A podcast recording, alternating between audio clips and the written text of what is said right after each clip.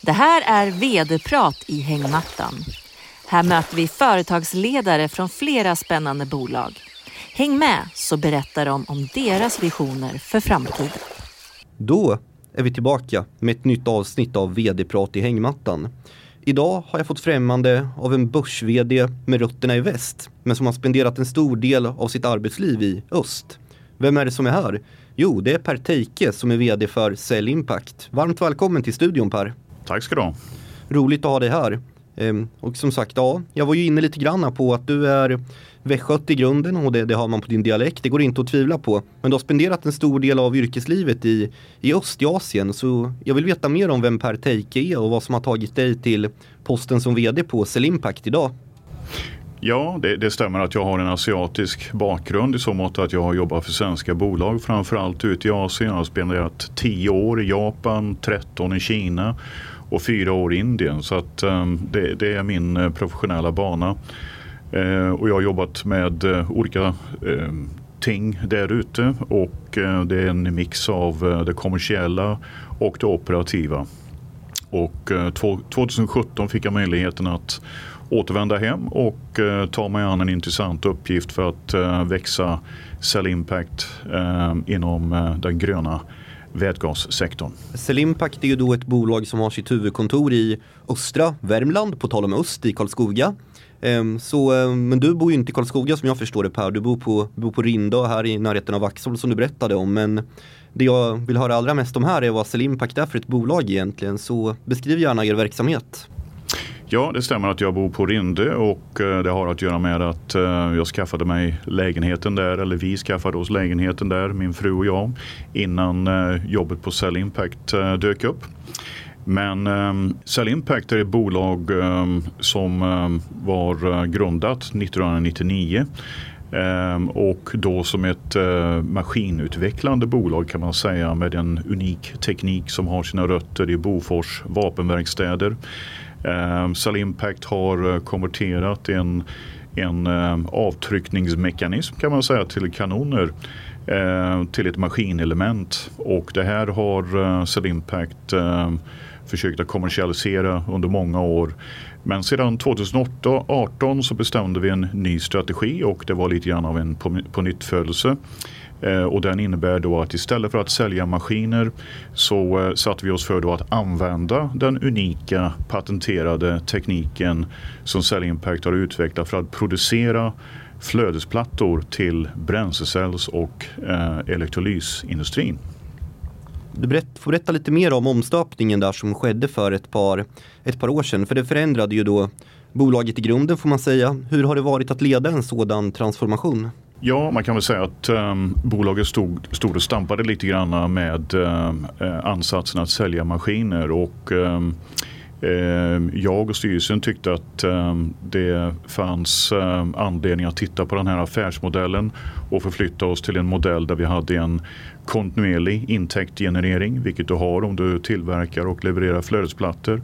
Eh, det är en kritisk komponent och eh, det är precis det vi gör idag. Då. Men det här har varit en, en, en stor resa för Cell Impact och teamet är i så mått att 2018 när vi bestämde den här strategin så var vi egentligen inte förberedda för att eh, tillverka flödesplattor. Så från 2019 och framåt kan vi säga så har vi skapat ett helt nytt industriellt bolag som tillverkar den här flödesplattan då, som är en kritisk komponent för bränsleceller och elektrolysörer. Så vi har gått ifrån 10-15 personer 2018 till dryga hundratalet nu eh, eh 2022. Och eh, en bakgrund också till att vi gjorde den här strategiförändringen var att vi hade vissa kommersiella möjligheter och eh, det gällde att agera snabbt för att eh, behålla dem och konvertera dem då till eh, löpande försäljning. Så vi har gått igenom en, en resa då som inkluderar de klassiska stegen validera tekniken, skaffa kund, skaffa försäljning och sen så småningom en, en orderbok och eh, nu då 2022 så, så har vi en fabrik på 2500 kvadratmeter. Vi har ytterligare 2500 kvadratmeter kvar att bygga ut. Vilket vi eh, är i färd med att göra och det är det vi kallar för fas 1 eller fas 2. Fas 1 var ju då att snabbt komma in i marknaden och fånga kund och efterfrågan. Ni har, era produkter kommer ju i mångt och mycket till nytta inom fordons och transportindustrin. Och det händer ju ett och annat i omvärlden just nu, om man säger det så. Hur påverkar omvärldsläget er och era kunder? Man kan säga att eh, bränslecellen då som en, eh, en drivkraft i fordon men också stationära applikationer. Vi använder ofta fordonsexemplet för att exemplifiera hur bra det är med bränslecellen egentligen som släpper ut eh, vatten som, som ett, eh, som ett um, utsläpp.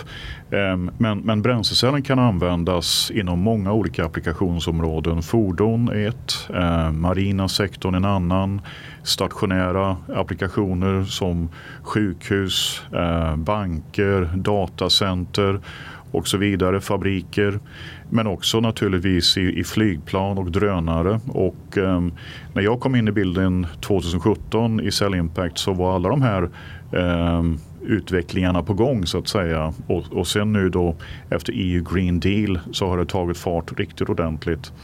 Men, men eh, industrin är i en accelerationsfas kan man säga. Och eh, eh, accelerering sker nu då på, mot bakgrund av att hela industrin har varit eh, upptagen med att positionera sig, utveckla bra bränsleprodukter, elektrolysörer Ehm, och nu börjar det ta fart. Och i den här situationen så kan vi konstatera då att vi, vi är väldigt väl positionerade. Vi har bra kunder som är själva stora i marknaden och det gör då att faktiskt även om vi är i, i begynnelsen på en resa att vi faktiskt är ganska stora inom den här industrin.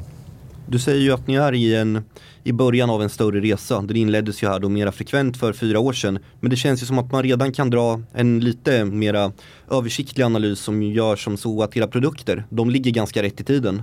Absolut. Det är en väldigt eh, svår produkt att pr producera eh, och den tekniken som finns idag eh, är inte lämplig för att skala upp. Cell Impact har en, en teknik som gör att eh, den typen av formningsutrustning. Därför att när man tar fram den här eh, flödesplattan så är första steget att forma plattan. Eh, och det är ett mönster man ska forma och det är väldigt svårt att få till detta utan att plattan spricker. Ehm, och här har vi en unik teknik som är liten. Den är eh, möjlig att, att anskaffa om man skulle göra det. Nu säljer inte vi den här utrustningen men, men capex är väldigt lågt jämförelsevis. Eh, den operativa kostnaden, drivaren är väldigt låg också. Eh, och vi har låga eh, livscykelskostnader när vi driver den här utrustningen. Så att, som, som en helhet kan man säga att vi, vi är väldigt väl positionerade med en, en teknik som är billig och bra och vi kan då göra det möjligt för industrin att skala upp eh, tillverkningen av den här kritiska komponenten. När du nämner ordet, begreppet skala upp så tar ju, tar ju det mig in på ett annat segment som jag vill beröra här i podden och det är lite generellt som vi pratade om innan själva inspelningen Per. Så kapitalanskaffning och läget på marknaden är ju ganska mycket tuffare just nu rent generellt än kanske bara för ett halvår, ett år sedan. Men någonting som känns bra för er på Selimpact är att ni redan har en, en form av etablerad försäljning. Kan du utveckla mer om det och hur ni står er i lite mera turbulenta tider som just nu? Jo, det är helt riktigt att eh, det, är, det, är, en turbulent eh, kapitalmarknad nu. Och, eh, men det som är bra med Cell Impact då, det, det är ju det att vi har nu en, en verksamhet i en fabrik som är ändamålsenlig, nyrenoverad. Vi har bemannat den med kompetent personal. Eh, vi har eh, utrustning som är ny eh, och vi har råmaterial och allt sådant som är kritiskt säkerställt. Så att vi är mycket väl positionerade att växa och skala upp från och med nu. Och som sagt var, vi har kunder, ledande bolag inom industrin. Ehm, och eh, vi har en orderbok och vi har haft ett antal kvartal nu med Eh, försäljning som har ökat. Och går man tillbaka till 2017 till exempel och eh, tittar på vad tillväxten har varit hittills så kan man ackumulera ihop en, en 153 procent något sånt där tror jag eh, till första kvartalet i år. Så att vi, har en, en bra situation med, med en, en rätt bra stadga i vår verksamhet. Om vi då kikar lite på konkurrensbilden, hur skulle du beskriva att den ser ut? Och konkurrenterna som vi har, det är ehm, om man tar till exempel fordonsindustrin, de tenderar till att tillverka den här komponenten eh, hos sig själva. Och då använder man den, den gamla tekniken för att göra detta.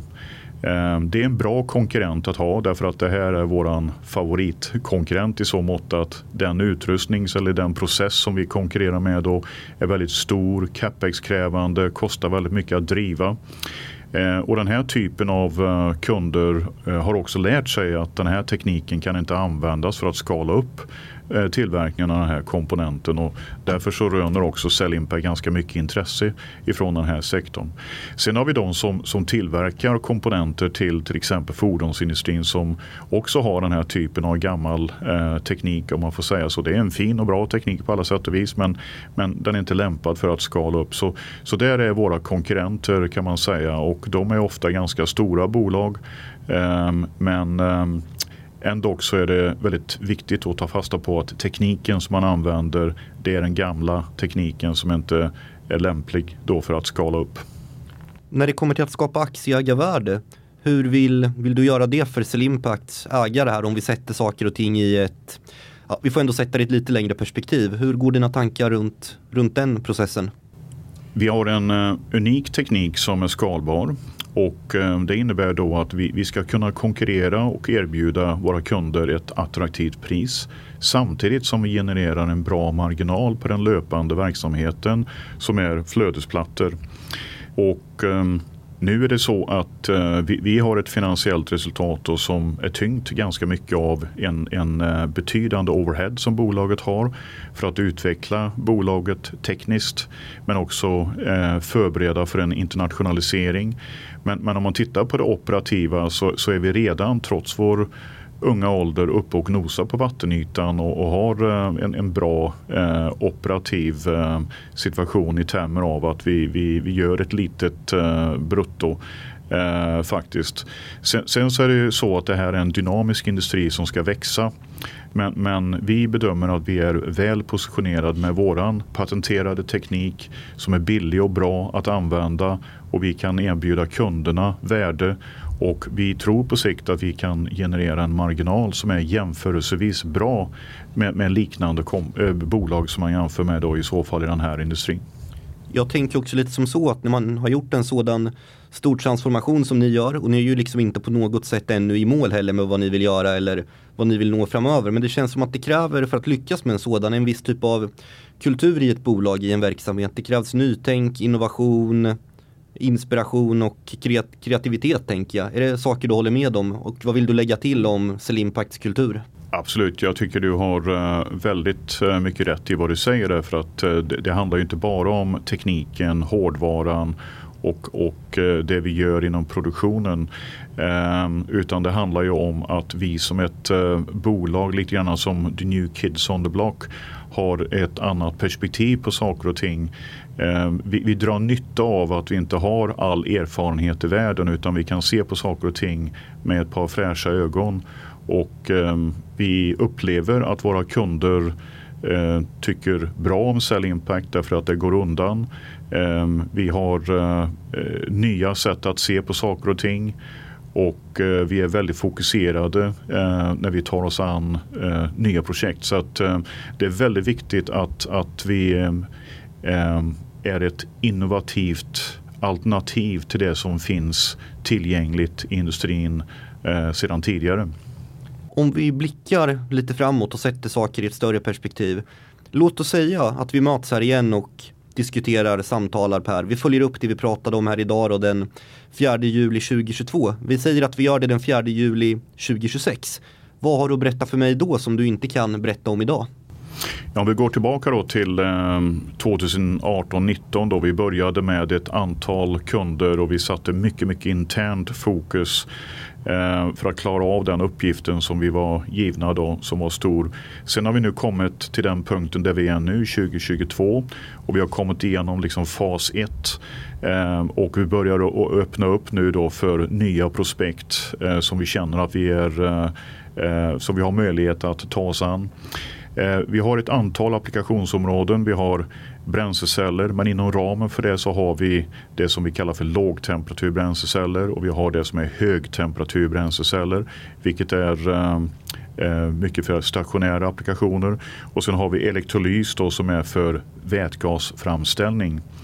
Ehm, och ehm, om vi tittar nu då på vad som händer så, så ser vi att vi börjar få mer och mer prospekt och de här kommer ju naturligtvis att mogna så småningom. Så att när vi är framme vid ehm, 2026 vi har förresten eh, kommunicerat ett, ett eh, preliminärt eh, mål, en ambition ska man kalla det.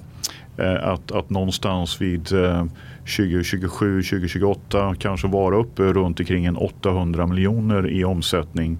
Så att runt 2026 då så, så är vi på väg att nå detta. Och vi har eh, fler kunder. Eh, vi, vi, kanske till och med har internationaliserat verksamheten något lite grann till någon annan geografi. Som du känner till så är vi ju närvarande i Japan, Eh, Kina, Tyskland och vi är väldigt aktiva i Nordamerika också fast vi inte har ett eget kontor där. Ehm, så att ehm, där är vi då eh, någonstans 2026 där med, med betydligt mycket mera omsättning på väg mot en 700-800 miljoner eh, svenska kronor. Om vi då återvänder till nuet så är jag ju lite nyfiken hur, hur dina sommarplaner ser ut här Per. Blir det någon tur öst eller väst eller kommer du spendera sommaren på härliga Rinda? Hur ser dina, dina planer ut och hur gör du för att koppla kanske koppla bort jobbet lite grann ändå för att hitta den välbehövliga återhämtningen? Ja, för att äh, återhämta mig så ägnar jag ju gärna tiden åt äh, båten ute på Rinde och en tur i skärgården. Äh, men eh, även om vi nu då har haft möjligheter att jobba väldigt väl digitalt under covid-perioden så har vi ett eh, underskott på resande och eh, mänskliga kontakter.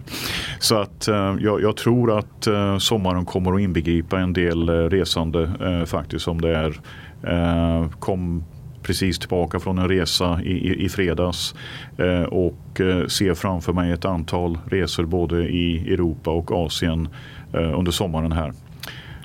Kanonbra. Ja, men då då önskar jag dig och eh, Selim Pakta lycka framöver Per Teike och att du också då får trevliga resor vart du än väljer att bege dig. Om det sen då är till Asien, till Karlskoga eller någonstans i Västergötland. Det får vi väl se. Men stort tack för din medverkan i vd-prat i hängmattan. Stort tack. Tack.